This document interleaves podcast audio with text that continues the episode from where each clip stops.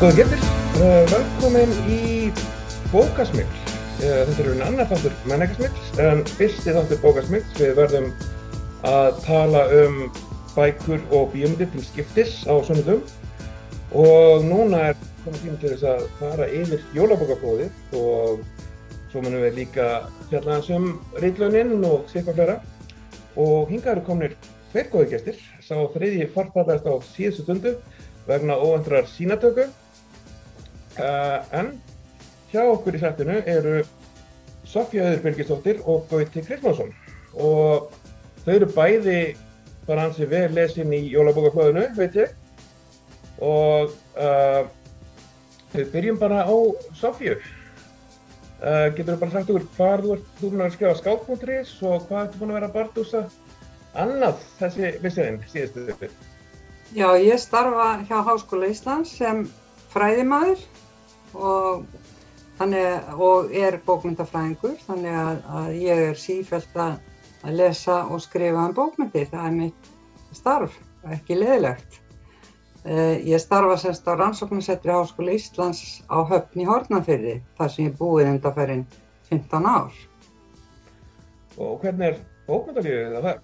Er, það er bara það er bara ágætt, það er bara undir okkur komið hérna uh, sem að höfum áhuga bókmyndum hvað við gerum. Við fáum oft til okkar í töndan alltaf fyrir, fyrir jólinn erum við með bókakvöld og fáum nokkra rítvöndi heimsókn og svo höldum við hérna á rannsóknarsettrinu og oft í samstarfi menningamiðstöðuna uh, málþing við ráðstöfnur upplestra. Fengum til dæmis á síðasta ári til okkar uh, rítvöndur hópi innflýtjenda sem var mjög skemmtilegt og Þannig við reynum svona að halda, halda einhverju bókmyndalífi hérna mm. e, við. Já, en ef við bregðum okkur söður, uh, Gauti Kristmannsson, þú vart hefur verið að flytja hérna, flytja gaggrinni í Vísjá á Rúf uh, og hvað ertu svona búin að vera að brasa annað? Já, ég er náttúrulega bara tennari hérna upp í háskóla og, og þarna mm og starfa við það svo ég verið að þýða eh, þarna bók eftir Thomas Mann mm -hmm. sem, ég vona, sem að, ég vona ekki að koma út á þessu ári heldur, kemur út á þessu ári mm -hmm. og helst í vor ef hægt er mm -hmm. en, eh, en þarna, það er svo sem allt og sund það er, það er mér, mína er á kýri en alltaf lifi og hærist í bókmyndum líka eins og Sofía og já þannig að við erum í rauninni ég svo sem hefur verið að skrifa fyrir stundina gaggrinni þannig að við erum alls svona búin að lesa góðan slatt af jólabokaflöðinu en þetta náttúrulega er einhverja mörgundur bækur þannig að uh, bara svo að ég var að lesandi við að við erum ekki búin að lesa allt og hérna uh, sem ég hef náttúrulega engin nær í þessu svakalega flóði sem náttúrulega merkilega stórt kannski bara með að við ekki stærri þjóð mm. og en svona kannski með því að fá með því að fá bæði Sofja Gauta þá erum við kannski komið með svona einhvern vís af hildamind en bara sjáum til hvernig það kemur alltaf út. Og já, bara við byrjum bara hérna á þessu jólabókaflóði sem kannski er ég er kannski ennþá helstu tíðindan marguldi bókmundurum bara svona, það er rólegt í janúar þó að sé aðeins kannski að byrja að koma eitthvað. Uh, Já, voru, voru einhverjir hápunktar fyrir ykkur, bara einhver, eitthvað sem stóð ykkur í flóðuna, við byrjum bara á Gauta. Já, það svona, mér fannst, uh, það voru reynda smásagnarsöp sem kom mér uh, þarna, ég ekki á óvart en, en, en voru ánægileg af því að smásagnarsöp hafa oft fengið svona ho verið hotrekka í bókmyndumræðin en bæði Kristín Ómarsdóttir og, og, og Ísak Harðarsson eru með frábær smásagnasöfn og, og bara mikið gaman að lesa þær og það átt að með sig líka á kostum smásögunar með við skaldsöguna sem, mm -hmm. sem getur verið löng og tekið mörgkvöld að klára og svo framvegis þannig að það það svona komir á óvart. Svo líka náttúrulega, þetta var eiginlega haust bókaflóð fannst mér, það kom tölverta bókum út í haust svona. Og það var unga fólkið, ungar konur mjög mikið mm -hmm. sem voru að koma út svona fyrstu bækur og, og annað og það, þetta það lofar góðu það sem er að, er að vaksa upp í, í þarna landinu. Uh, kannski aðeins ég svona grípið þetta með smásögunar uh, er ekki svona pínu bara mér finnst kannski lítið verið að geta smásögunar fyrir ekkert mörgum árum. Uh, er, mm. eru þar að koma starkar inn svona, er eitthvað bylgi að koma eða? Já, ég tek undir þegar Gauta, ég hefði, hefði nefnt þessar tvær bækur sem hann nefndi eh, strax sem að, svona hápunta, Ís, mhm. bækur Ísaks og, og Kristína Rómas um, og við höfum séð uh, smásögun að vera að vaksa, spurning hvort að Gauti heldur þú að, að smásögur heimsins en finnbunda ritröð hafi kannski haft þarna einhver áhrif? Það kann vel að vera, já, mér, mér finnst það ekki ólíklegt, það er náttúrulega stórkostlega viðbót við bókmyndaflórunna og kannski hafa höfundar, þau eru náttúrulega mjög reyndir höfundar bæði Kristín og Ísak en mm. uh, þá hafa kannski höfundar séð að þarna eru tækifæri Já. og ég vona að unga fólki sé að lesa þetta sko og svo framvegs Já. þetta hefur verið svona stigveldi sko uh, sko skáltsagan á, á toppnum svo koma kannski ljóðin og síðan smásagan þetta er kannski bara tilbúningur hjá mér en en maður hefur svona haft á tilfinninguna að þetta stigveldi sé til í bókmynda heiminum sko. Já, já, við munum líka þá tíða að það var bara næ, næstu því ómögulegt að fá útgefið smásaknarsafn af því það var bara talið dött form eða, eða ósöluvænt og reynda ekki það sama um ljóði fyrir örfam árum. Já, já, og það hefur eitthvað breyst sko. Mér finnst eins og ef ég ætti að tala um svona helstu tíðindin í íslensku bókmyndum ekki bara í ár heldur kannski undarfærin 2, 3, 4 ár það er hvað, hvað ljóði hefur risið stert upp aftur hjá ungum höfundum. Já. Og, og það finnst mér mjög merkilegt Já þau, og þau sem að segja að unga fólki sé að bera uppi bara þess að bylgu sko. Að vísu eru reyndir höfundar að gefa út mjög góða bæku líka. Ég nefnir Ragnar Helga núna og og fleiri og þarna og þannig að það en, en það hefur bara, ég veit ekki hvort að þetta ber sér mikið, þetta er náttúrulega lítil forlög sem er að gefa þetta út svona og þetta er ekki alveg sjálfsútgáðu lengur, það er einhvers konar rittstjórn á þessu, þau, þau, þau hópa sér sama, það var kannski þarna Nikur og Níhil sem, sem byggur til mótelið að þessu formi útgáfu að að mhm. hópa sér saman nokkur ung og, og þau eru náttúrulega líka hit, þekkjast og hittast og í reillistin í Háskóla Íslands. Mm -hmm. og þarna þannig að Hún er það sveikaskáldin það, þær voru nú reyndar að gefa út uh, mjög góða bók uh, þarna. Og olju. líka já, já, olju og, og þarna og líka sko var svona smásögur en ekki smásögur það, svona, það var svona smásagna frétta af svona orða og, og þarna mjög flott bók og, og þarna, þannig að það er, það er mjög margt gott að gerast sko. en ég var að heyra hjá einum höfundi að sko að mhm. markaðurinn er alveg ramskakkur vegna Já. þess að uh, hagkaup og bónus taka mhm. ekki bæku frá litlu forlugunum þeir nennaði ekki. Og, og þarna, þannig að það er bara þau, þau fá bara inni í bókaveslunum, formlegum bókaveslunum en, en það verður sko eftir að þessir stórveslari fóru að taka yfir bóksölu þá, mm. þá náttúrulega fer mjög mikið af sölunni fram í, í þessum búðum. Já. þetta er, þetta er uh, illgresi eða kæfandi fyrir þarna, nýtt uh, blóð í bókvendunum Já, þetta er góðu punktur að því að, að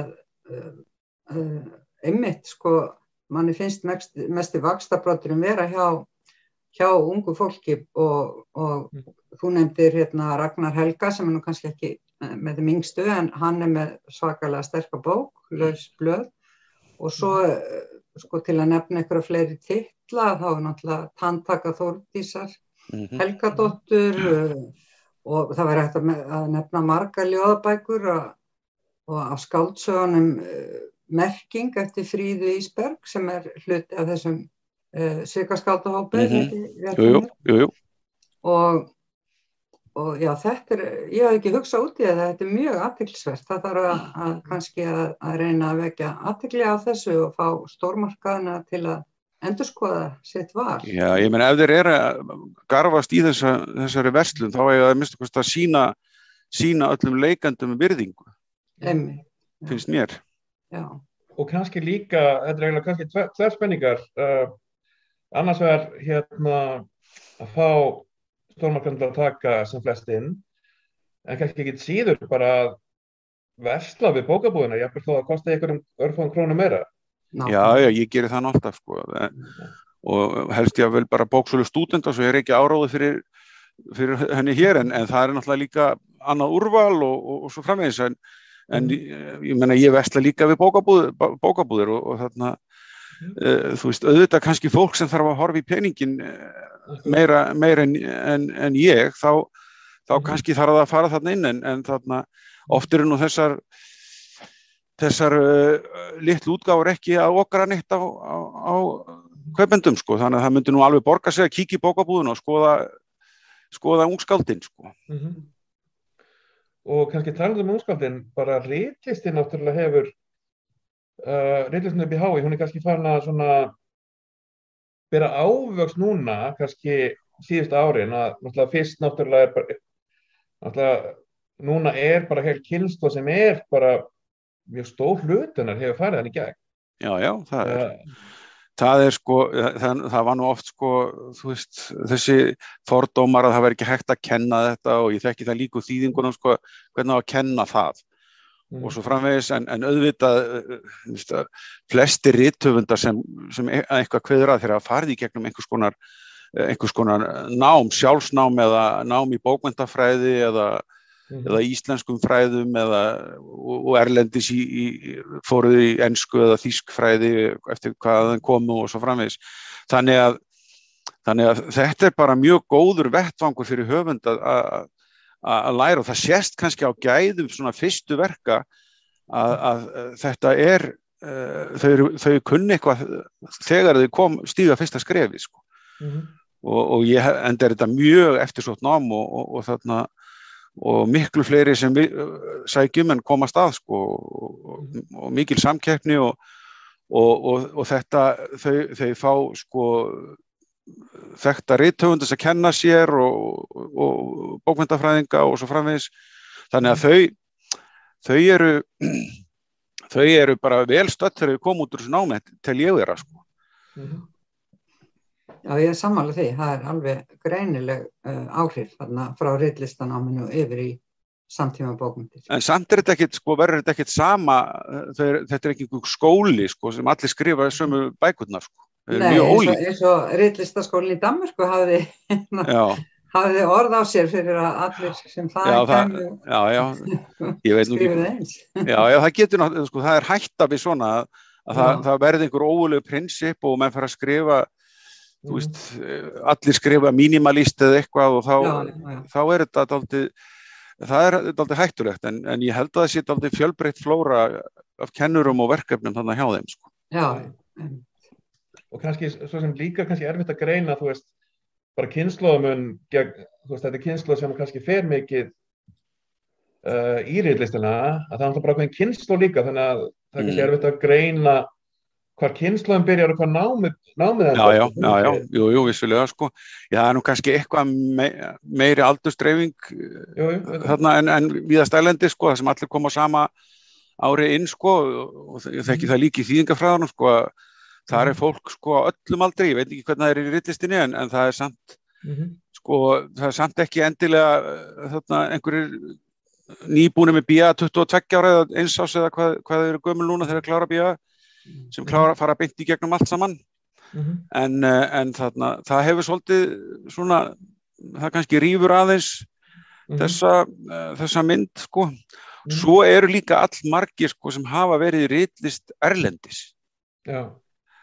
þannig að það, það eru margir sem er að læra þetta og það eru margir sem hafa áhuga á að skrifa greinlega í þessu litla mhm. landi. Það, þetta, er, þetta, þetta er eins og var ekki Kundera sem sagði að við verum með rittæði eða rittræpu já, grafoman sko. Rittæði já, já, já, við getum nefnt uh, að því við erum nú svona að reyna að vekja aðtikli á því sem ákveðin standa upp úr þá, þá mm. langar mig að nefna Júliu Margrit Einarstóttur og bók hennar Guðleitar að Salome, hún er einmitt einn af þeim sem kemur úr reillistanámi og var líka í námi Erlendis mm -hmm. frábær skáltsaða hennar mm -hmm. uh, og, og svo hann Ingólfur Eiríksson kemur líka úr reillistinni og, og þetta eru þetta eru sko ungt fólk sem er að skrifa uh, um samtíman á, á Mhm. mjög skemmtilega og Um, kannski svo ég grípi kannski það, þann bolta að svona er einhver svona ströymur og stefnu sem að þið voru svona að lesa í, í jólabókaflóðið, eitthvað svona sem var sérstaklega ábyrjandi eða rann í gegn Mér fannst, já, ég veit ekki, svona þema, þema mæður og ekki alltaf jákvætt, fannst mér. Ég, það hefði búið að vera dálítið í, í nokkur ár svona. Uh, það eru mæður Já, mæður, uppgjör við mæður. já, Uh, svona, ég, þetta er kannski bara ímyndur í mér en ég, ég hjó svona eftir þessu stundum. Þetta er svolítið aðteklisvert svona. Mhm. já, já og, og eða fann- fannst mér allavega og, og þarna, en, en það, það, það er líka, sko, það er kannski kemur að því að maður er búin að vera að lesa uh, miklu meira eftir konu nú orðið heldur en hér í gamla daga þegar þetta voru allt meira að minna kallar sko Mhm. og það, náttúrulega, það eru kannski bara þeirra þeim sem, sem, sem breyta landslæginu.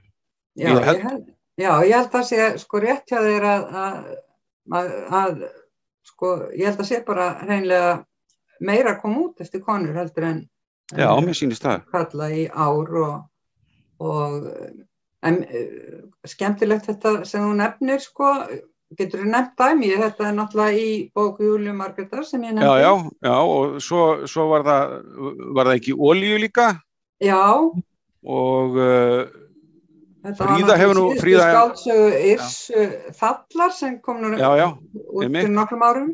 eða Já, og, og svo nú Fríða Ísberg gerði það í ljóðum hér áður og, og sko, þetta er bara svona ha, já, Auður Jóns já, Já, já, allir Og- fullt köglaflugur ljósið er svona pínu já, já, öðru sko. Og var ekki líka eitthvað um þetta hjá steinunni síðu í, Jú, jú, í sýstu jú. Jú, jú, það, það, er, það er margar bækur sem eru Já. með eitthvað af þessu Ef við, höf, ef við lítum aftur á bak yfir heimsbókmyndasöguna þá er nú uppgjör við föður líklega eitt að sterkast Já, já. það, það er gamla, gamla þemað sko Já, ég segi þannig að þarna eru konurnar að að koma með, með sína hlið. Já, já. Þetta er skemmtileg pæling. Já, mér finnst það mjög aðtilsvert og, og, og, og það er svona sko opnar alltaf augun veist, fyrir gamla, gamla mítanum að mamma er best og algóð sko, hún er svona aðeins að mömmur eru bara eins misjafnar og þeir eru margar sko. Á þess að ég verði nú of sjálfhverf þá verði ég eiginlega að koma á að ég skrifaði meistraprófsritgerð eða kantmakritgerð um þetta. Um, um sem sagt hérna samband uh, við móður annars vegar og föður hins vegar og, og yfirskriftin sko í uh, sambandi sonar og móður og mamma skilur allt. Uh, en yfirskriftin í sambandi dætra við móður og mamma skilur ekkert. Og þetta er hvort tvekja tilvitnanir í, í bókmyndir já, já, þetta er svona eilíðar. Nú, Já, annað þema sem að má nefna svo er náttúrulega hérna, sveitastelpan sem að mm, kemur inn í nokkra bækur, eh, nýjar bækur og þar er nú til dæmis með eh, áhugaverðari bókum eftir Þórildi Ólastóttur, bók sem heitir Emdir, sem að hefur mjög eh, lítið verið fjallað já, um. ég er nú með að er að lesa hana sko. Já, Þórildur hefur áðgjöf út eina ljóðabók Mm. og, og þarna er svona, e, fer sveitastelpan aftur heim í sveitina þegar hún er komin yfir 60 og er að rifja upp sitt líf og, og, Já, já, og svo náttúrulega er bókin hennar hérna Hörpurún Mm.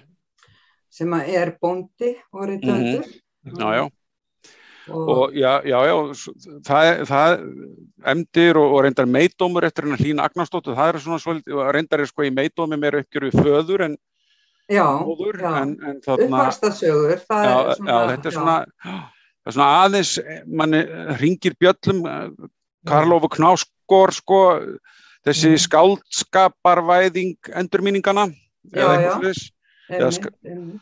og, og það er bara söngur tíma sem, og ekkert skrítið við það, þarna, en það er svona, Og Þórhildur tengir, beint, eða hún bendir á í sinni bók, hvað bendur hún á drengjasögurnar sem voru að koma út á nýjunda áratögnum Mhm. og svona við þá tengja sig við það uh, á ákveðin háttun leið, leið og Já, það eru þá saga konu en ekki, eða stelpna en ekki drengja og það er náttúrulega gildur um Meidóm sem að er, er frábærlega flott bók finnst mér vel skrifuð og vel uppbyggð og, og Já, já. líka sko fór svona svolítið látt og mér fannst það eins og það væri svona svolítið einkenni á, á umræðinni í jólabókaflóðinu að mér fannst svo marga bækur tínast sem að, að maður var að uppgöta svona bara rétt fyrir jól uh, til dæmis Ísak, það var ekkert um hana Já, já. sko, og, Ég sá hann ekki fyrir en bara rétt fyrir jól sko. já, og, þarna- og, og fleiri svona bækur sem að einhvern veginn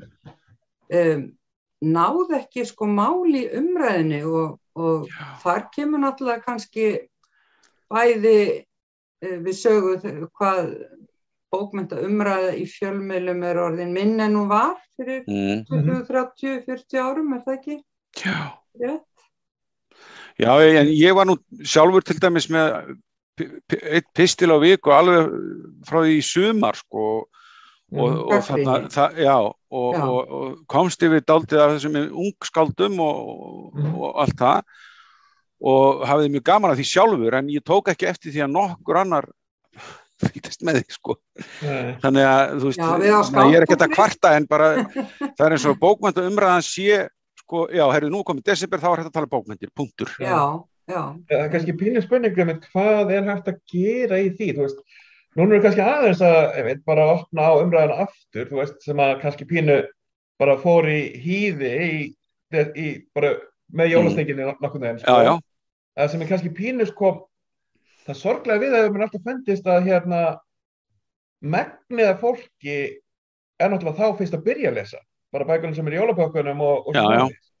já, að það er kannski pínu synd að sko við þessi svona gaggrindastjætt, við kannski lesum kannski megni bara rétt fyrir hérna jólin og erum okkur er pískað áfram til þess. En þá taka allir hinir við og kannski, þannig að vantar kannski díalógin pínu svona, það, er náttúrulega útgefundur sem vilja vekja aðtekla bókónu sínum og, og skiljanlega og reyndar höfunda líka en, en þarna en svo eru það lesendur sem eru kannski að- meira að eftir, eftir jól sko. og þarna það er svona en jólabókaflóðið sjálft, það er náttúrulega mjög skemmtilegt fyrirbæri sem mér skilst að hafi nú orðið sko, til í setni heimstyrjöld vegna skömmtunar að það var bara ekki til neitt að gefa í jólagjöfnum að bækur og, og, og það, þá var líka til gríðarlega mikið að, að, að það voruð þýð, þýðingar á, á sko bókmentum ekki bara ástarsögum og, og reyfurum Mhm. mjög, mjög þarna ríkjandi og, og var, var lengi og er, er enn, ég menna það sem hefur komið út af þýðingum þessu ári, það er með ólíkindum og, bara, þú veist stu, sko stórvirki það, það er þarna Sasha Stanisic uh, með þarna uppruna og, og það, ég er búin að angustúra forlægið er að ge gefur út reglulega svona bækur svona úr öðrum hotnum heimsins ef svo maður segja mhm. og þarna það, það var, Tjernobyl-bókin núna, Já, já. já, já, Mhm. Dickens, Di- já, svo kom Dickens út og Evelyn Boe og, og, og, hættuleg sambönd. hættuleg sambönd, þetta er, þetta er, þú veist þetta er með rosalega. fullri virðingu fyrir íslenskum höfundum þá eru sömur þessar bóka, þú veist með topp bókum ársins Já, já. Eh, sem, sem er- bókmyndir Núna er þeir náttúrulega í þýðingar bransanum að hluta til. Uh, sjáu þið, vitið þið hver er ástæðan fyrir það svona, verðist vera að glæðast þýðingartáltið, það er bara meira af virkilega spennandi þýðingum og var kannski fyrir nokkrum mánu síðan. Já, já, þetta hefur nú aldrei dottið alveg niður sko. Þa, Nei. það, það, er, það er örlítill stuðningur úr, úr, frá hennu þarna, bókmyndamiðstöðinni Mm. og það er á, rætur ekki til gamla þýðingasjóðsins sem, sem Guðrún Helgadóttir og Ingól Guðnásson komu á, á fóta á nýjundaratug, upphæfi nýjundaratugurins og er, er bara, var frábær stopnun, hún breytti í landslæginu Mm. eh, Skiptir eh, miklu máli að því Já. það borgar sko beint eða Hluta þýðingalauna. Já, já, og það, þar, þar, þar verður, breið, það fara að koma út almennilega bókmyndir í þýðingum og þetta hefur haldið áfram. En ég held að forlegin sé búin að finna svona einhvern, þessi bæði angústúra og svo bjartur og, og þetta var alltaf byrjaði á, með ugluklubnum á sínum tíma að- búa til bókaklúpa Og unna útgáfuhús líka. Já, og unna, ég meina það, með því að gera þetta þannig, þá, þá þarna komast þessar bækur uh, víðar eða þær seljast betur og þær komast þá líka til lesenda sem hafa áhuga á þeim, sko. af því að Já. þú gengur ekki svona klúb nema þú hafur áhuga á, á, á þessum bókum eða, eða svona það, hef, það sem er komið út hafi skusti, vakið áhugaðinn og, og maður hlakkar alltaf til að fá pakkana frá þessum forlögum sko, sem að koma til manns og, og maður, maður les einhverja frábæra bók sko. Það er nóg að þeim. Skemmtilegt hvað, hvað þetta eru ólíki klúpar eins og Ang- Angistúra leggur, já, já, áherslu á samtíma bókmyndir já, en þýðingaklúpur Unu, uh, unu Já. útgáhús er með klassík. Já, já. þannig að, að Ma, mjög, gaman, að- mjög gaman að því líka að fá Gertrúd Stein og, já, og, og, og svo framvegis. Og, og Já. þarna reynda var þarna Kutsi líka Já. við þetta barbarónum og, já, og þarna en, en ég meina það, þú veist, þetta er náttúrulega bara úrvalsbækur sem við erum að fá þarna í íslensku þýðingu og, já. Mhm. og og við gríðarlega eigum líka bara svo annað, góða þýðendur sko. Mhm. já, eh, já, ha, það er, það er sterkt þýðingar fólk hefð sem, í landinu sem að og, sko bara vinnur við þetta sko, eins Já, og já. Elisa Björg Halla, Halla Já, já. Uh, og, og, Halla Kjartansdóttir og, og fleiri já, já, og fleiri og fleiri já, já, Já.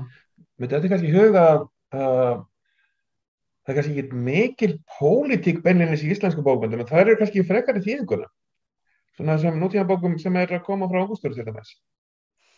Já, það er svona já, það er, þau, það er rétt þegar þú segir það sko, þær hafa valið svolítið svona valið svona svolítið þannig bækur sem eru svona eins og þarna Chernobyl og, og Khaled Khalifa þarna mm -hmm. frá Sýrlandi og tvær bækur þetta er hann komnar út og, og, og fleiri Mhm. það er kannski svona aðeins eh, svona bara, það, það er svona stefna einhvers konar, að, það er ekki alveg ég held að það sé ekkit manifesto á bakvið það sko, heldur bara, Mhm.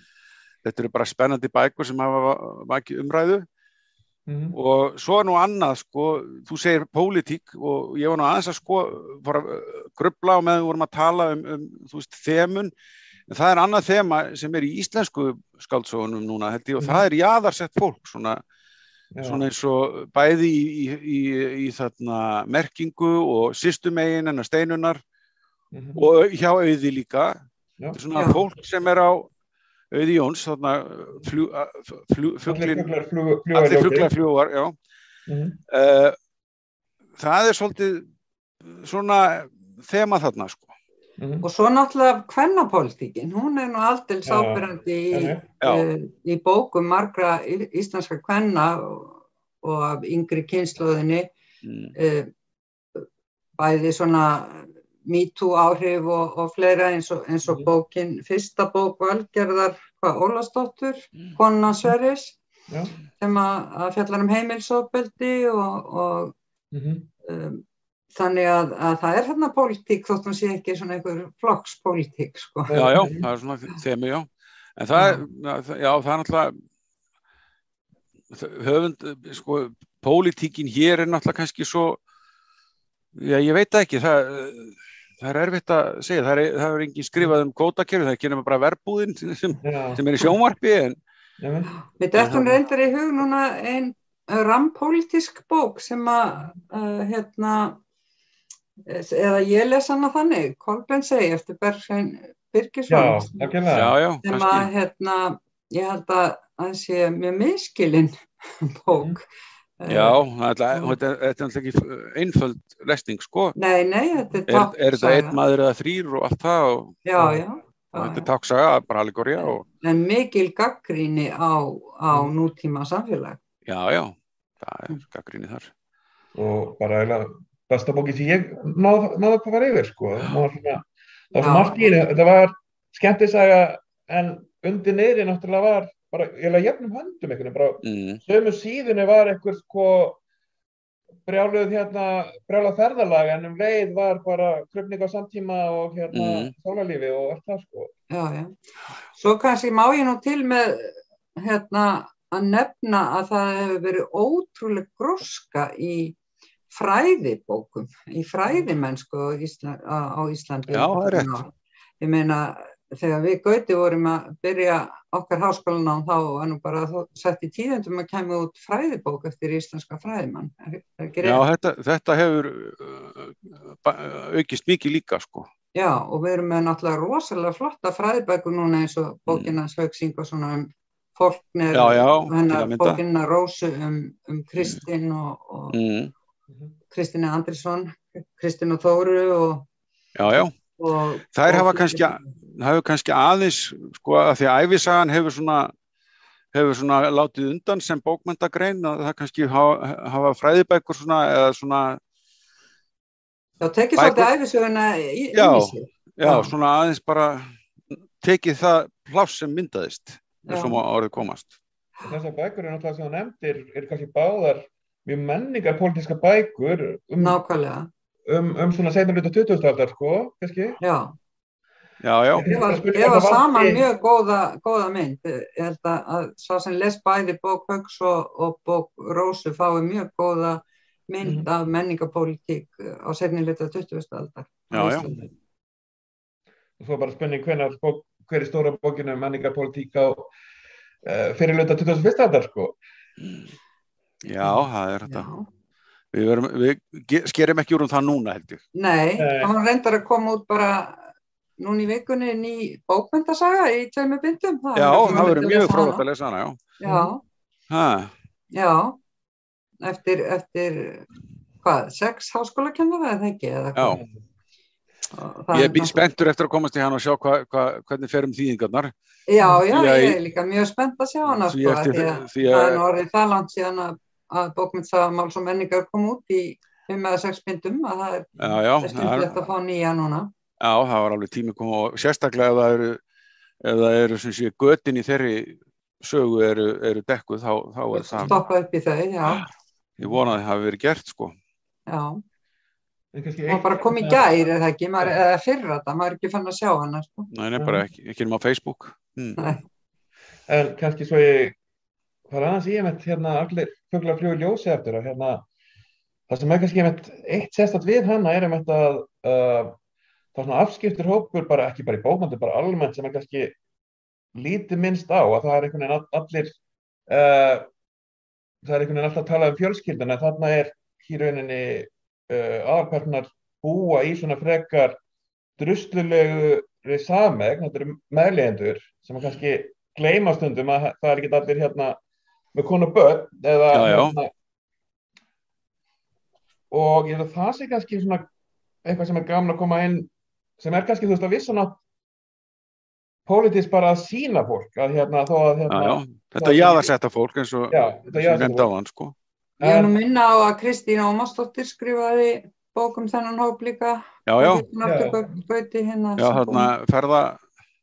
Já, sem var líka um svona, Já, já, ég- það er hægt að kalla Já. á rávara eins og auð- auður gerir Já, já. Og, og líka má segja um sýstu hennar steinar. Já, Mhm.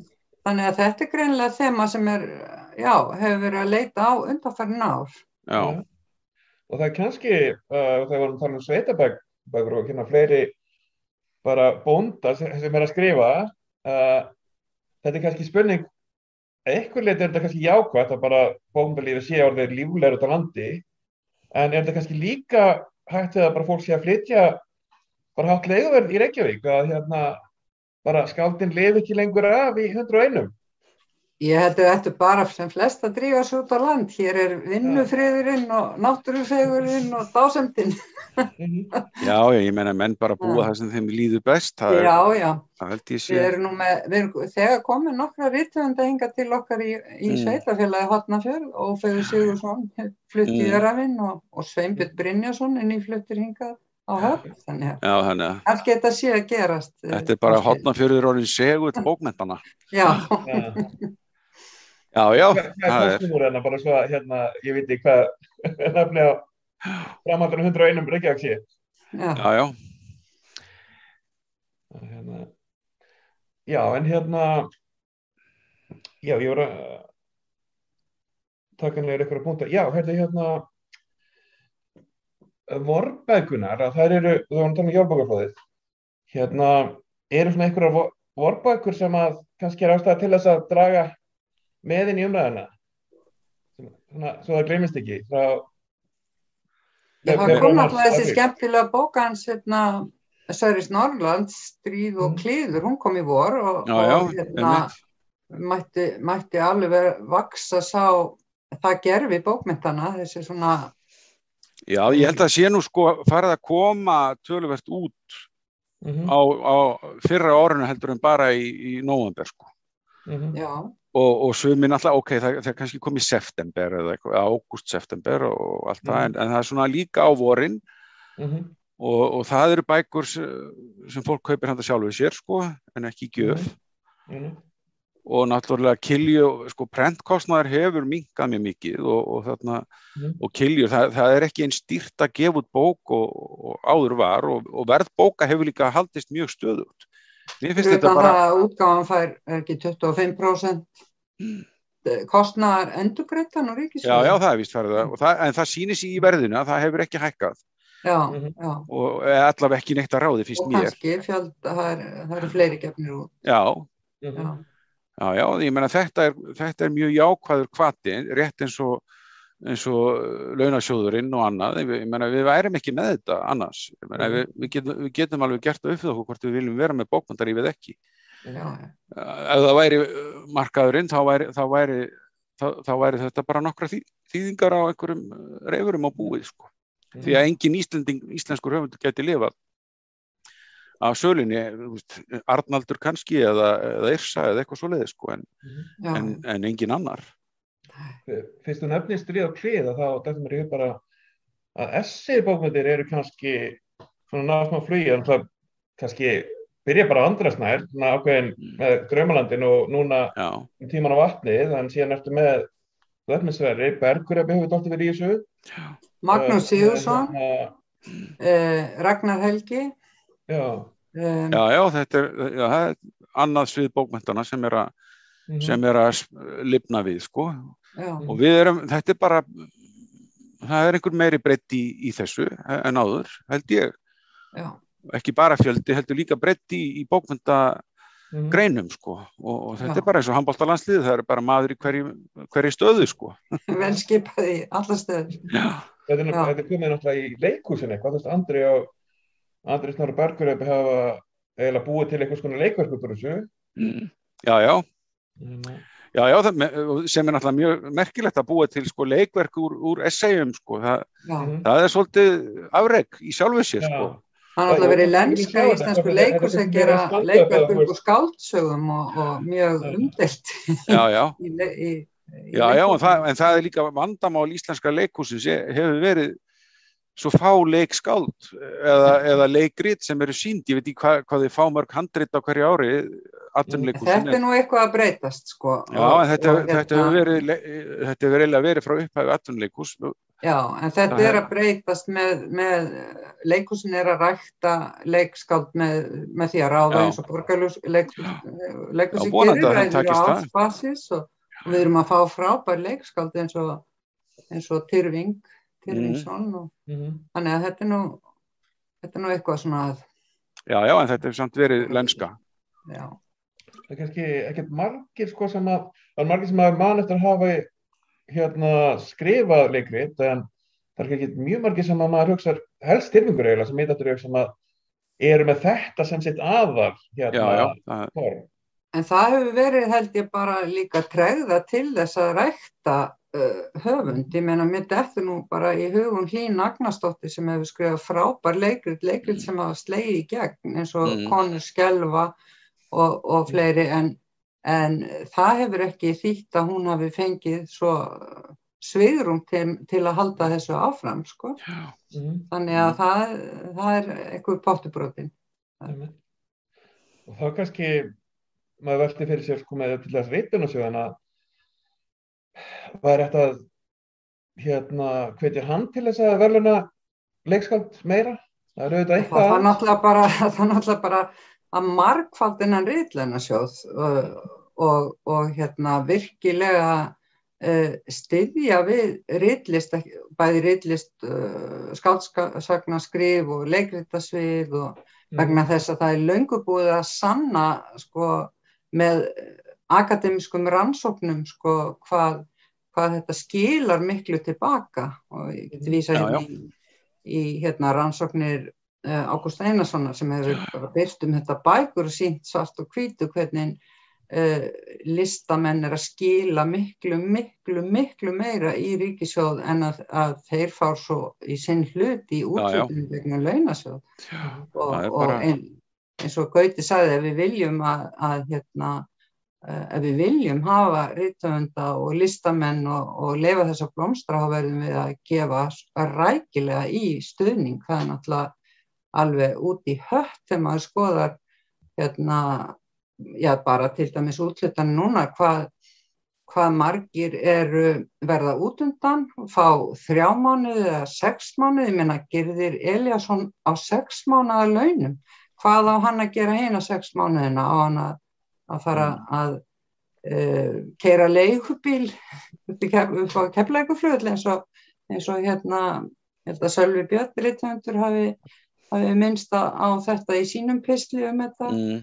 ég meina uh, og höfundur eins og Steinun sem fær ekki krónu e, og, og, og al, þú veist, þetta er náttúrulega, þetta bara gengur ekki um, en mér skilst að þetta sé einhverjum endurskoðun og ég vona að, að, að það verður gefið rækilega í þetta og, og þá náttúrulega setja uh, stóran hluta af íslensku reytöndun og talaði bara um reytönda en þetta gildir eflust í um alla lískrinnar mm. á ævilönd eins og Steinunni, Pétur Gunnarsson, Girði Eliasson og fleiri og fleiri og fleiri sem að eiga ekki að þurfa að eiga hérna, lífsviðværi sitt undir einhverjum hafrætsvinningi komið að, að, að þurfa að sækjum á hverju ári og, og, og býða svo upp og vona ofan hvort þið fái laun eða ekki. Þetta er náttúrulega alveg fáranlegt kerfi.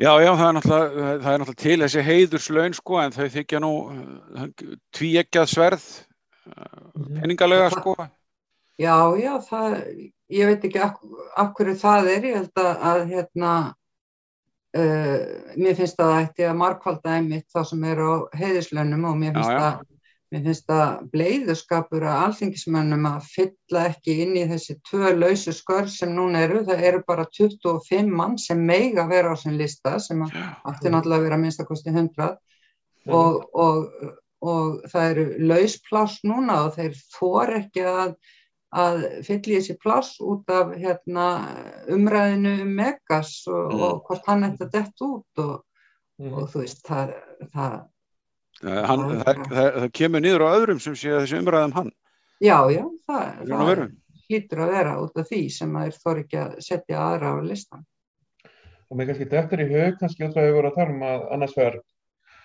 Uh, annars vegar heiðistöðinni sem að náttúrulega eru eldri listamenn alltaf sko og sem eru, kannski vandin er hluta til bara þetta er stjætt sem er með ofta tíðum mjög léleg hérna, eftirlunarkjör eftirlunasjóði og kannski líka það hérna uh, þetta vorum að tala um hvort að gildir fara að kera legubíl sko að þegar að COVID kemur að þá hérna er í rauninni sko margir listamenn sem eru sko að missa ólisturinn að jobbið þannig sé að það voru náttúrulega bara margir listamenn uh, sem að voru að vinna í ferðamennskun á sömlin og svo hérna mm. safna pening til þess að einmitt út að þeir fengu ekki listamannlauni eða kannski bara þrjáða sex mánuði Rauðan tónlistamenn á leikfólki í þessu hark, hark já, já. hérna kerfi að skrifa vetuna og ná í peningin á sömlin sko mm. og það er kannski allt þetta, bara allt þetta kerfi, ekki bara listamannlaun einhvern veginn það þurfa kannski bara við öll sem erum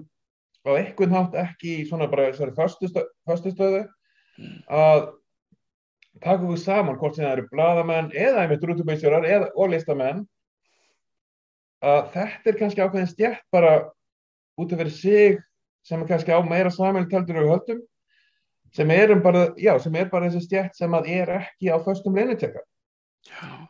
Svo finnst mann líka bara sjálfsagt að, að þegar ríkið er að borga listamennu laun að það, að það bara borgi, hérna, seti það bara inn í venjulegt launa um svona kerfi, taki skatt af og borgi launatögjöld mm. þannig að, að þetta fólk mm. auðlist eitthvað hérna, rétt í lífyrsjóð og, og, og mm. önnu réttindi sem á okkur finnst sjálfsögð sem erum á, á föstum uh, launum.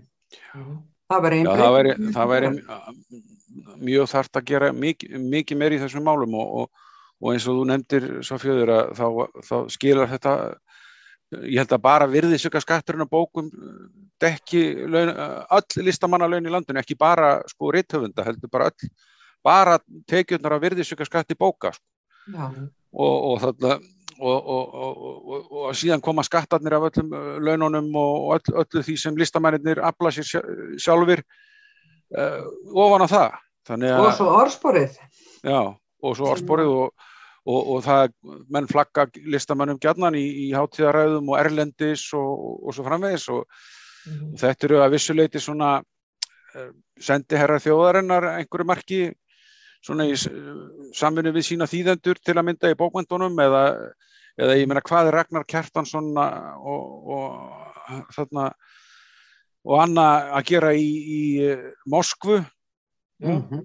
og þarna það Ása Helga fyrir ekki, já, ég, já, ég, ég þekki, þekki hana príðilega, ég, ég, það er ekki hvað er að mér uh, Ása Helga Hjörleifs og þarna, ég meina þetta er uh, þetta er náttúrulega þú veist uh, eitthvað sem okkur þykir, þykir merkilegt og, og, og, og, og, þarna, og er það. Og, og ætti að vera þarna betur launað ef ég má orða það svo. Skiptir gríðilega miklu máli það sem að, að þau eru að gera í Moskvu og bara í þessari viku voru þú veist eh, massíf mikil og stór viðtöl við sjón í New York Times eh, mm. dómur um, um hérna skáldsögu Hallgríms Helgasonar í berlínska tíðinni Mm. og, og, og þú veist eh, Jón Kalman var í, í Fraklandi og, og Jón Kalman í Fraklandi bara í Já. sjónvarstöðum og bó, Já. bókmentaþáttum og annað sko og þetta Bóki- skiptir allt máli. og já, þetta skiptir allt mjög miklu máli. Eigur ferðamannaströmmin til Íslands til. Já, ég vil, ég helst ekki nota það, það, þau röka, þetta sé landkynning, þetta er bara, Mhm. þetta er svona frekar, uh, uh, sko, landýmynd að- hér búi uh, þarna hugmyndaríkt og, og, og skemmtilegt og, og gáað fólk ef ég morða svo hroka Já, já, en það, það, þetta er líka landkynningöti vegna þess að hinga koma ferðamenn sem að, sem að Já, gefa já. hlut og þeir eru að koma hinga út að því þau eru að hlusta á Björk eða, Já, eða Lesi lesa ykkur bækur, bókmenntir, já, já. allt það, Já. já, já, ég, vissulega, vissulega að sé bíómyndir og, En það má kannski einmitt, vandir landkynninguna hef ykkur benti á að hérna uh, sko Íslandsstofa sem að er í rauninni batteri sem að sér um landkynningu fær meiri pening heldur en listamannalaunin og það má alveg spyrja sig hve, hvort, hvort batterið er í rauninni að skila meiri já, landkynningu. já, já, já, ef að þetta er rétt þá er þetta náttúrulega bara alveg stórkostlega galið. Mm. Hef ekki meir en það að segja. Já, það er kannski líka bara dæmi um hvað þessi listamannalaun eru lítil í henni stóra samingi hlutuna.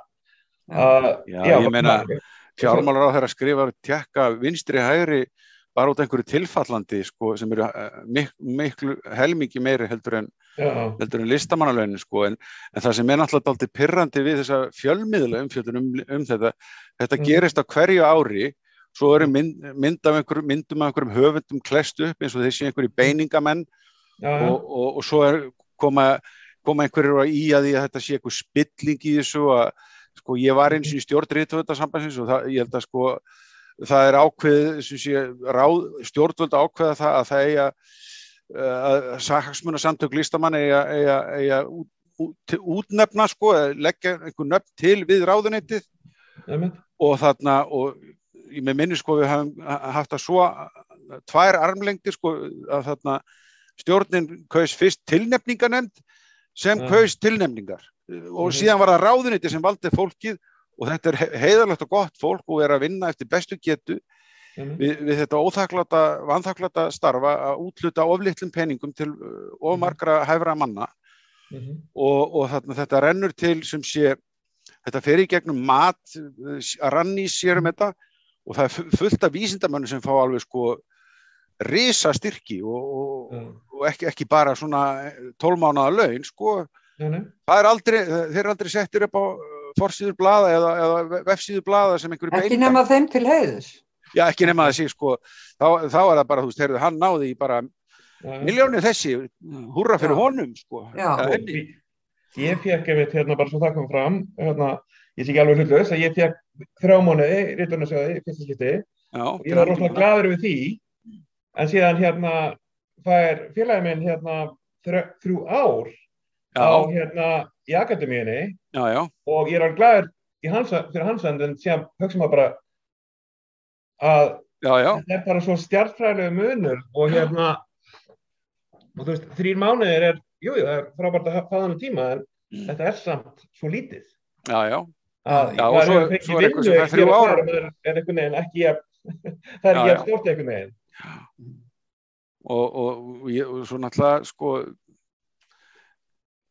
þetta er ekki bara íslenski rannsóknastyrki sem er fá en ég meina það, það, við getum bara verið þakklátt fyrir það að útlendinga sig að borga peninga til að efla rannsóknir á Íslandi en, en þetta eru miklu meiri peningar heldur en, Mhm. heldur en við eh, listamenn nokkuð tíma sjá sko og, og það er það er svolítið, ég veit ekki, einhver lenska svona, það er einhver já, þeir hafa gott að því að lifa við sult og segru, þá verða þeir svo ofsalega skapandi. Þú veist, það er eitthvað svona, ég þetta er eitthvað svona hugmynd, sko, sem ég, ég ætla nú ekki að bera mönnum þetta á brín en, en þetta er svona man, manni á misjöfnu þrýfast börnin best, sko, eða á misjöfnu þrýfast listamenninni best, þetta er kannski að breyta þessu orðtaki. Mhm. En Þetta er orðið svolítið, svo, það er svolítið, ég meina, þú veist, þegar maður sér þessa, þessar örfáu krónur, sko, og, Mhm. koma í, í þetta, þetta apparat og, og þarna, og svo einhverja, einhverja Facebook fá, fávitað fyrir gefið orðalegi úttala sig um það og geti bara farið að vinna og eitthvað svona. Eins og þetta sé ekki vinna, ég meina, þú veist þetta er náttúrulega fárá, fáránlegt, sko. En þarna að þá finnst manni þetta sárgrætir þetta að vita til þess að það er fullt af hæfileikar ykkur fólki sem, sem þurft að sitja hjá og, og, og, og þarf kannski að gera eitthvað vinna eitthvað annað. annað sem ekki er jafn áhugavert fyrir bæði það og okkur hinn. Já, nákvæmlega. Svo er kannski spurning sko uh, það er svo sem það kom alltaf greinar, pistar á Facebook og svo framvegis eftir eiginlega hverja afhendingu. Og þeim er jafnvel að fjölga uh, frekan hitt. En maður spyr sig sko hvað er þetta að gera til þess að búa til að vera pressu, þú veist, annað en hvernig, hvernig getur rituundar og já, bara listamenn hérna sem stjætt í rauninni beitt sér, er einhver leið, þú veist uh, þú veist, Já, það ég er kannski- er auðvitað að vera í verkfall það kannski Já, já, gefa sér í setna sko. Já ég, myndi, ég myndi nú vara við því sko. Ég meina að rithöfundasambandið, ég þekki það innan frá, Mhm. það er þarna, það er mjög öflugur uh, þarna talsmaður rithöfunda og í sífeldu samtali við ráðnit og það hefur tekist að leiðrétta sumt sko að, að, að þarna á undanföldum árum, það, svona, það var hlægilegt hvað höfundar fengur fyrir bókasapsnótkun sko, það er eitthvað skánað en, en það, til dæmis það að, að, að höfundar fengi eðlilega greitt fyrir afnót bókaðira í, í bókasöfnum, ekki eitthvað Spotify Mhm. kling sko heldur, heldur bara eðlilegt af gjald Mhm. þá þarna það myndi strax gera mörgum kleift að lifa uh, betur því að margir sem ekki seljast í neinum stórum upplöfum eru eins og að lesnir kannski að fullta fólk í bókasamninu sko Mhm. og, og, og þetta finnst mér að, stjórnum þetta leiðir þetta enn betur það hefur aðeins gert undanfærin ár og það hefur fjölgað mánuðum í, Mhm. á, á, á, nú er ég að tala um ritlaunin, það, það er líka, þarna, líka hjá öðrum listamönnum Mhm. Og, og það er reynda líka þannig hjá öðrum listamönnum að, að það eru hagsmunafjölu þeirra sem er að útnefna eða leggja til nöfn í, í matsnefndir, einhverja hluta vegna er alltaf rithöfundar settir, settir í- upp í blöðin, ég veit ekki af hverju. Ég, það er kannski að þeir eru eitthvað nafntóðaðri svona í almanna þú veist en þó ímsi list, aðri listamenn séu kannski mjög nafntóðaðir sko á, á sínu sviði. En, en þarna en þetta er svona það þarf að, það þarf að bæta, bæta í þetta því þetta er eins og svo fjöðu var að benda á Ágúst Einarsson bendi á að þetta er þjóðhagslega hagkvæmt. Þetta er yðja sem er Mhm. og skapandi yðja er, er þarna framtíðin segja allir en, en, en þarna, svo, svo þegar mann vinna afreik, skap, sko, ska, afreik í sköpun þá bara sagt fara að vinna og móka skurðið eða eitthvað. Það, það er búið að sína frá því Haldur Lagsnes benda á það að, að, að, móka skurðið væri, væri ekki gott fyrir landið þá komist enn betur að því eftir að, að, að þetta er loftslags þarna eitur líka svo bara hættið að móka þessa skurði og farið að skrifa Mhm. Já, já, vonandi verður þetta bara, eh, hérna, mér skilst að þetta sé til eh, endurskoðanar þetta kerfi og ég vona bara að, að Já. það komi eitthvað verulega gott út úr því. Já, ég, það er sammála. Ég, ég man einmitt að hérna að Björn Teitsson, það voru bara Facebook kommenti einhver staðar að hérna meðar annars bara að mörgu góðu við hérna listamannlaunin væri að það væri bara vistsporið væri hérna með því besta sem gerist í hverjum alveg. Já, já. Já, mjög lofslagsvænt, já. Já, Já, þannig kannski Já. bara að setja alla listamannlaun og þá bara er það bara stærsta skrifið í að hérna já, já. þá myndum við skilja eitthvað mikið eftir okkur, sko. Já. Mm. Það er kannski eitt sem að ég uh, bara mann man, varandi jólabókaflöði. Örðu þið eitthvað var við COVID þar? Ko Í bókunum? Já, Já, í- það var náttúrulega hjá, uh, hjá honum Guðna Elísin í ljóskildrinni, hans miklu bók. Og þarna, þar er, þar er þetta svona bara hluti af tilverunni, sko.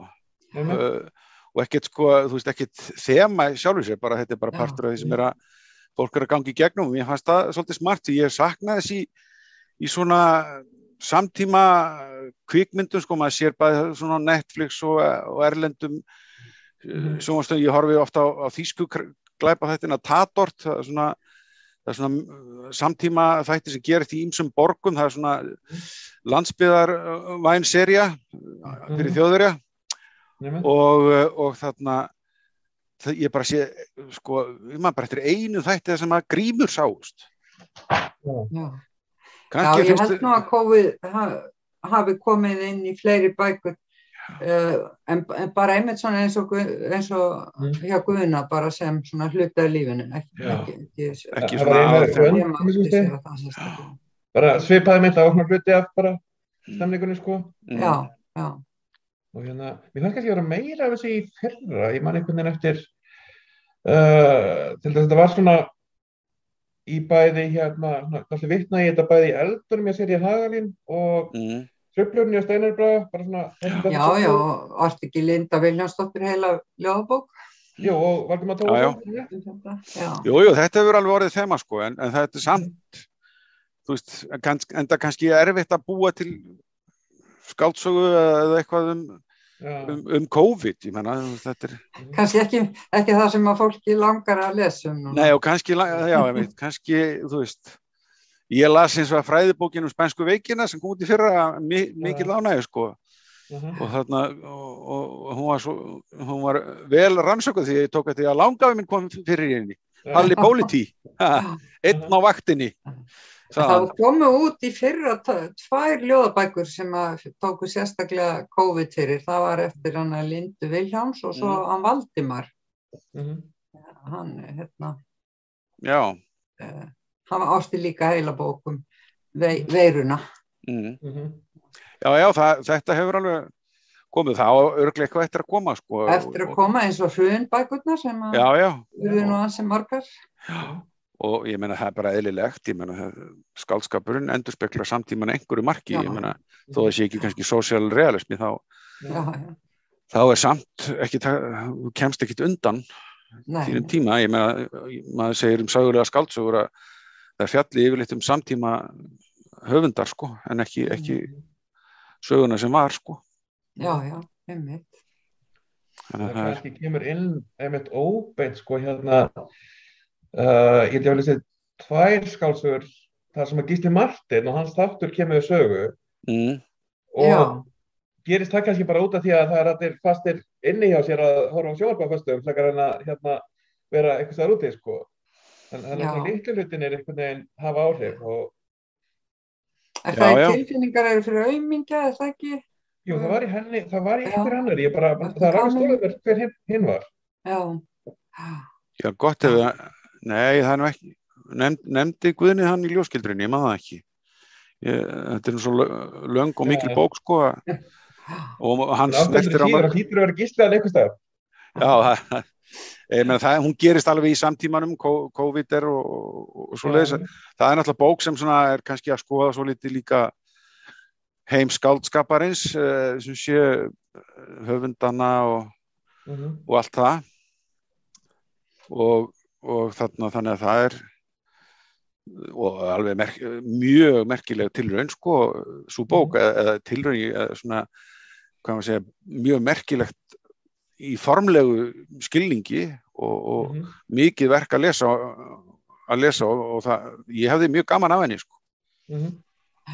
Ég reyndar ekki búið með hennum að 85 eða tæplega 90% en, en ég er með prósentin á hreinu sko, af því að prósentutalan kemur Það er alveg hægt að það þarf ekki að setja blaðsjötali fyrir sig þetta bara eins og þá Já, tvær þrjár aðra bækur. Ég, Já, ég já. skil ekki hvað fólk er hvart yfir Já, já. lengt á bókum. Ha. en þetta er þetta nokkra bækur í einni sko. Já, það er nú Já. það. Þetta eru, þetta eru Ma- margar bækur þarna. maður fær þrjá fjóra fyrir eina sko.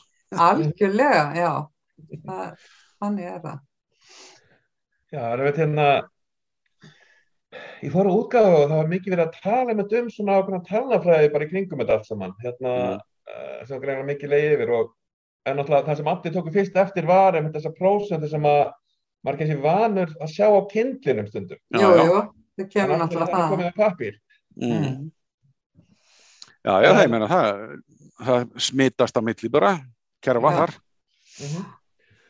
og já, ég kannski að þetta sé gott tækifæri til þess að þetta leifa hérna jólabokaflóðin að smittast yfir í heimsóðnið sem er svona síðasti liðurinn á dagskrá uh, út af því að ég ætlaði að heyra í þér Gauti með, þú ert náttúrulega með aðra risastóra bók í, í þýðingu já, hún er náttúrulega 100 ára gömur uh, af hverju hérna Tárafjallið núna, hvað er hún að fara að segja okkur? hún, já, hún gerist nú til að mynda á uh, já, sóttkvíjarhæli, svo má segja eða Mhm. berklahæli og berklar voru náttúrulega drepsótt unga fólksins á, á, á fyrir hluta 20. aldar Mhm. og svo er þetta náttúrulega bara klassíst verk og óþýtt og, og þarna uh, ég hef tekið þátt í svona uh, listamannahópi sem, sem við fórum sko, til Davos í Sviss þar sem að, þar sem að sagan er sviðsett og, listamennir stóðu fyrir gjörningum og, og við vorum síningu í nýlistasafninu og svo framins og framins og það er svona, ég ætla bara að klára þetta með því að klára bókina og, og þarna og hún er, það er bara ótrúlega skemmtilegt tækifæri að takast á í svona gigantískan prósa sko, þetta er þetta er uh, sko, þetta er höfundur sem sko finnst listaverkið félast í prósanum sko. Mhm. að, skrifa sem glæsilegastan prósa sko, hvort það er barokk eða, eða rock eða, eða jazz, ég, ég skal ekki segja um það en kannski er þetta líkara jazzi það líka væri, hefði verið svona í þeim samtíma eitthvað en, eh, en sem sé maður sér bara sko listsköpunina í byggingu og uppsetningu setninga og kabla og, og svo koma þemun og það, það þetta er svona sko að hugsa um, samt er þetta bara einföld ástasaga líka sko Mhm. og, og þarna og svona sem í þrýhittningur jafnvel og eitthvað. Og svo er þetta náttúrulega bók um dauðan og, og unga fólkið og, og, og yfirvofandi styrjöld Mhm. og, og svo framvegis. Og það, það tala til okkar alveg endalaust í samtíman með þessi bók. Og þeirri yfirleysararnir mín er allavega mjög spennti fyrir bókinni sko. Já, þeir hafa kannski, kannski sem ég lesi hann á öðrum málum en, en, þarna, já. en það, þetta er bók sem sko, svo hef ég, ég er alltaf með sko, tvær enskar þýðingar mér til aðstóðar svo er ég Mhm. með dönsku og norsku og sænsku Mhm. og þarna það er alveg merkilegt hvað mann eru djarfir sko, að vísu Já. koma, koma þessa, þessan skandinavisku ekki aðeins sko, miklu gagni sko, að því að maður sér hvað skandinavisku málun eru skild þýskunni Mm. Það, það er orðstofnarnir og allt sko, þetta er maður fleitum þetta, þetta er bara aðeins að þessi stafsett finnst maður í stundum Já, en ennsku þýðendunir en eru ennsku mælandi þýðendur oft mjög svona yfirgangssamir og, og þarna, þar, er, þar er stundum gripið vel í, í textan, sérstaklega í nýri þýðingunni en, en, en svo eldri er nú svona tryggari, Mhm. kannski stí, stílega stífari en, en þarna, það verður bara í ljós hvernig það gengur. Já, og, og íslenska þýðingin, verður hún yfirgöngsöm eða verður hún mjög trú? Nei, hún verður ekki. Ég er, ég er að reyna, sko, ég set mér svona það markmið að, að ná þessum listrænu tökum í, í, í prósanum Mhm. og uh, sko það er svo mikið svona implicit sko eða, innan í þessu Mhm. og endurtekningar, þetta er svona mótanist verka þýletir að það notust sömu þemu og endurtekningar í gegnum alla söguna og ég meina allar 800 eða 1000 síðunar eftir brotinu. Og, og þarna það verður að passa sér, sko, það er svona mjög heppin að vera með kindil að því að þegar ég sé grunnsamlega orð sko, sem ég, ég sé það áður en man ekki alveg hvernig ég þýtti, þá get ég bara farið og, og fundið það í kindlinum og og þá sé ég sko, já, það er alveg keðja í gegnum bókina, merkingar keðja, margar slíkar svona sem, sem þræðast í gegnum bókina. Og það er svo spennandi að sjá það, átta með að sjá því hvað listamæðurinn er að gera sko Mhm. í verkinu. Hvenær kom hún út uh, á þýsku? 24, Já, Þannig að þetta er, já, tæplega 100 ár við síðan. þurftum að býða tvö ár til þess að hérna, Já, ég ætla, ég, ég er búin að vera svo Það er lengi að þessu, 100 ég, ég ætla bara að reyna að klára þetta núna og, og, þarna, og hafa, njóta þess bara. Hún er, hún er setn á ferðinu nátt að vera sko. mm. en, þarna, en það er nú, og gerist nú oft með bækur sko. en, en þarna, ég hef haft líka rosalega gaman af þessu sko, að Mhm. Að glíma við þetta því að ég meina það stundum bara eins og menn segja sko getur ekki þýtt þessa blaðsíðu fyrir, fyrir morgundaginn sko eða, mhm, það er bara stundum einu efnisgrein sem maður setur yfir tímanum saman sko. Mm. og, og, og kemst svo að því þegar yfirlesarinn fær hana að, að það tókst ekki ekki alveg allavega. Það er skemmtilega hvað svona klassískir höfundar tala við samtíman eins og þú Já. ert að benda á og, og gildir líka um þann höfund sem ég er að því að Virginia Woolf. Mm. að Orlando sem að kom út uh, fyrir hvað? Uh, ég maður ekki, fyrir fimm, fimm ár? Fimm árum held ég að, já, að, þér já. Já, og hún hérna uh, hún talar bara svo lóðbeint inn í umræðinum um uh, kyn og kynusla og, og, og svo er ég semst að þýða núna uh, eftir hana Sketch of the Past Mm. sem að er sjálfsæfi sögulegt uh, verk sem að, að ég líka vonast til að koma út í vor, já, og, og, og það er náttúrulega að tala beint inn í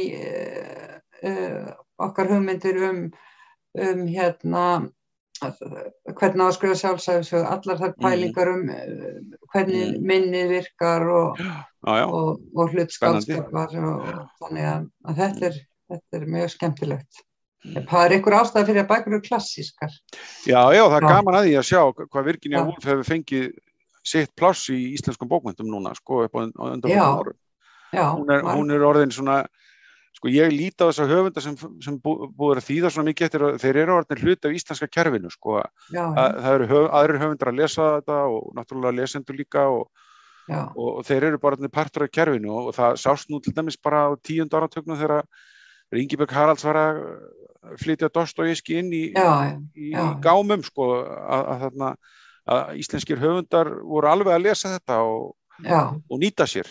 Emmi ef við talandi um Tárafjalli þá hérna las ég eftir hérna skáldsöð sem hér minni með Tinni í nýja heiminum mm. Tintin in the New World Mm. og það sem alltaf sérst við hann var sko að hérna það var einhvern reikna með að lesandi hefði lesið einhver tíman eða hafði svona góða hugmyndum annars var Tinna, hins var Tárafjalli já, það var svona þræðinu tveir og ég náttúrulega þekkti minn Tinna en ég svona uh, var bara að til Tárafjalli, ég vissi af henni og svona. Ólafsson Tata en hafði náttúrulega ekki lesið henni þá og hérna Ég meina þetta er mjög merkileg bók, það var einhver, einhver uh, hann Þorstein Viljánsson uh, þarna skrifaði skemmtilegan pistil á, á bloggið sitt, bókin sem vill, bó, bókin sem vill ekki vera láta lesa sig sko, og það er svona, þú veist, það er slett latín og ítölsku, og frö, þú veist, ástarsennan er öll á frönsku, þú veist, bara, Mhm.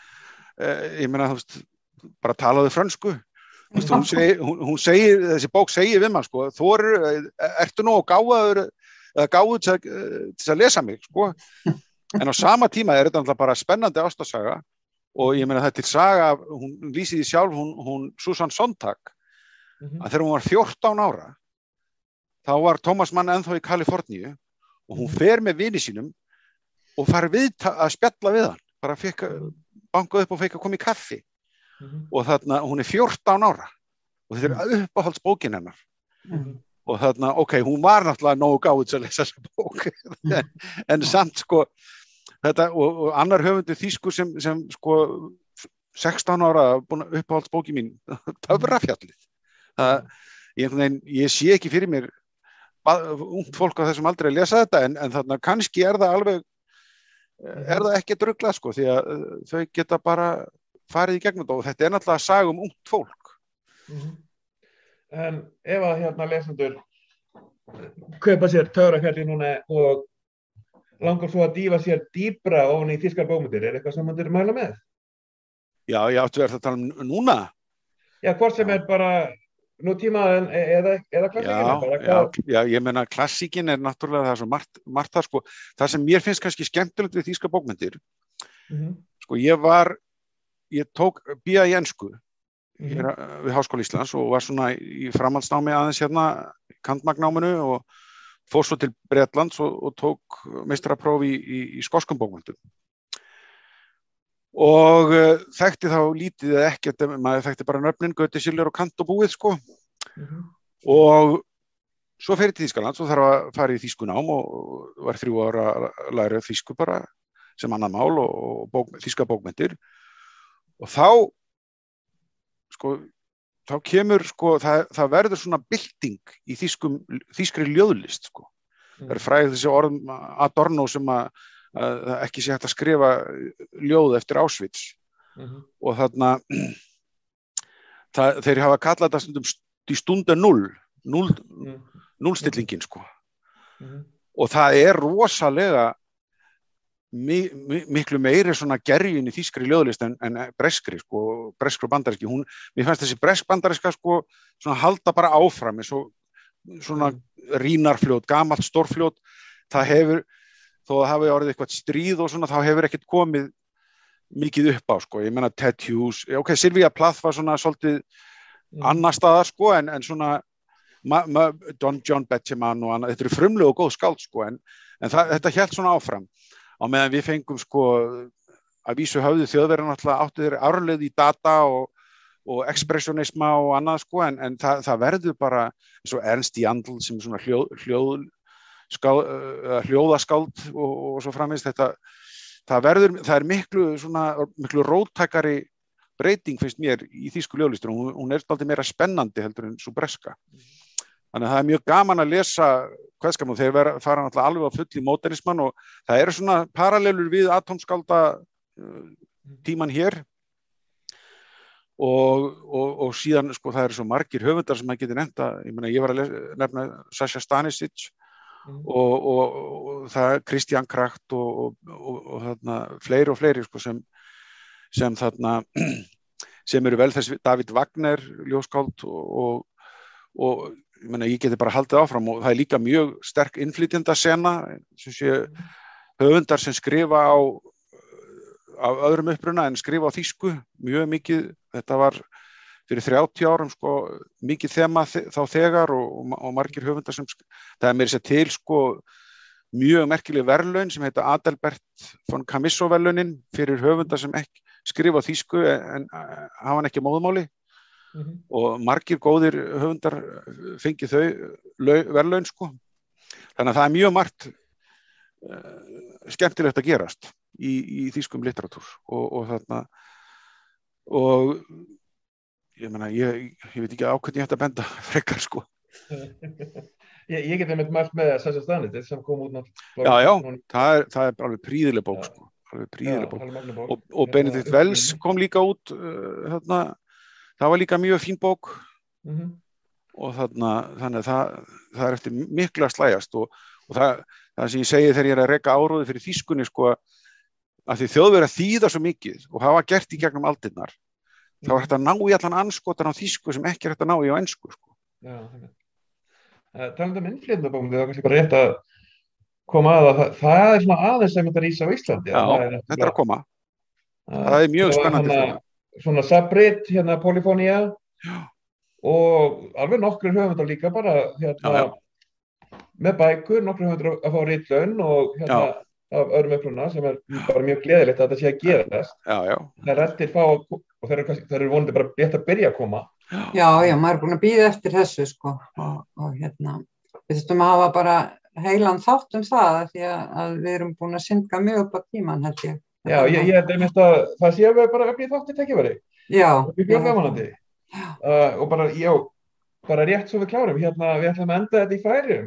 Sofja, þú til langa fjallaði sem færistu bókmyndir. Ég nú, ég, ég var án svo stressað á tímanum, ég held að það er ekkert af því, en, en það væri gaman að tala ekkert henni í heimsóknu um færiska bókmyndir, af því að Sko ég hef nú fylst mjög vel með færiskum bókmyndum, ég hef mikill færið aðdæðandi og, og hef farið ánga mörgu sinnum og hef farið ánga þrísarsinnum sem gestakennari og, og mm. kynnt mér færiska bókmyndi mjög vel og það, það sem er svo skemmtilegt við það er að maður, maður hefur yfirsýn frá mm. upphafi, frá því að færiska reitmáli byrjaði, sko maður getur maður getur bara að kunna alla, alla bókmyndasöguna sko, þá undaskilja sjálfsögði munluga hefðina.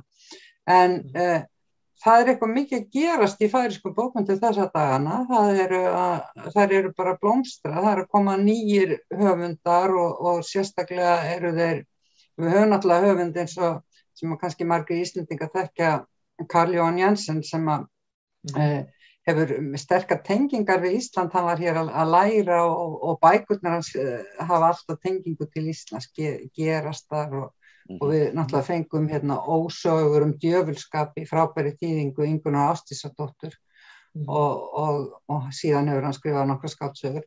En það er ekki síst sem sagt, uh, það er að gerast þar eins og hér, að það er að koma inn ung fólk og Mm og ungar konur sem að eru að, að gera stórkostlega hluti í ljóðlist. Mm og, og þar get ég nefnt til dæmis Líf Róarsdóttur sem að e, vil svo skemmtilega til að er dóttil Róa Paturssona sem er eini færingur sem hefur fengið bókmyndaðalun e, Norrlandaras mm og, og, og þannig að, að, að já, mér svona langaði að vekja aðtikli á, á þessu að og við mættum og ég, ég get bara gert það sjálf þýða meira af færiskum bókmyndum og, og kynna okkur betur þessa, þessa indislegu nágranna þjóð okkar. Mm -hmm.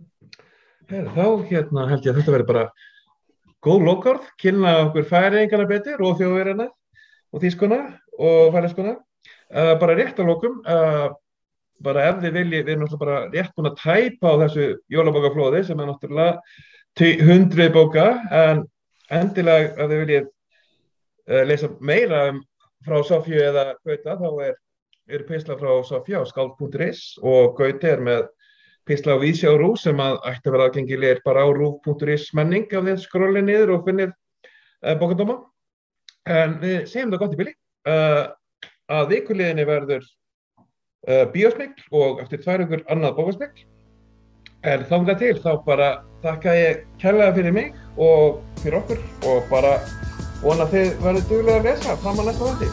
Takk fyrir okkur. Takk. Takk fyrir.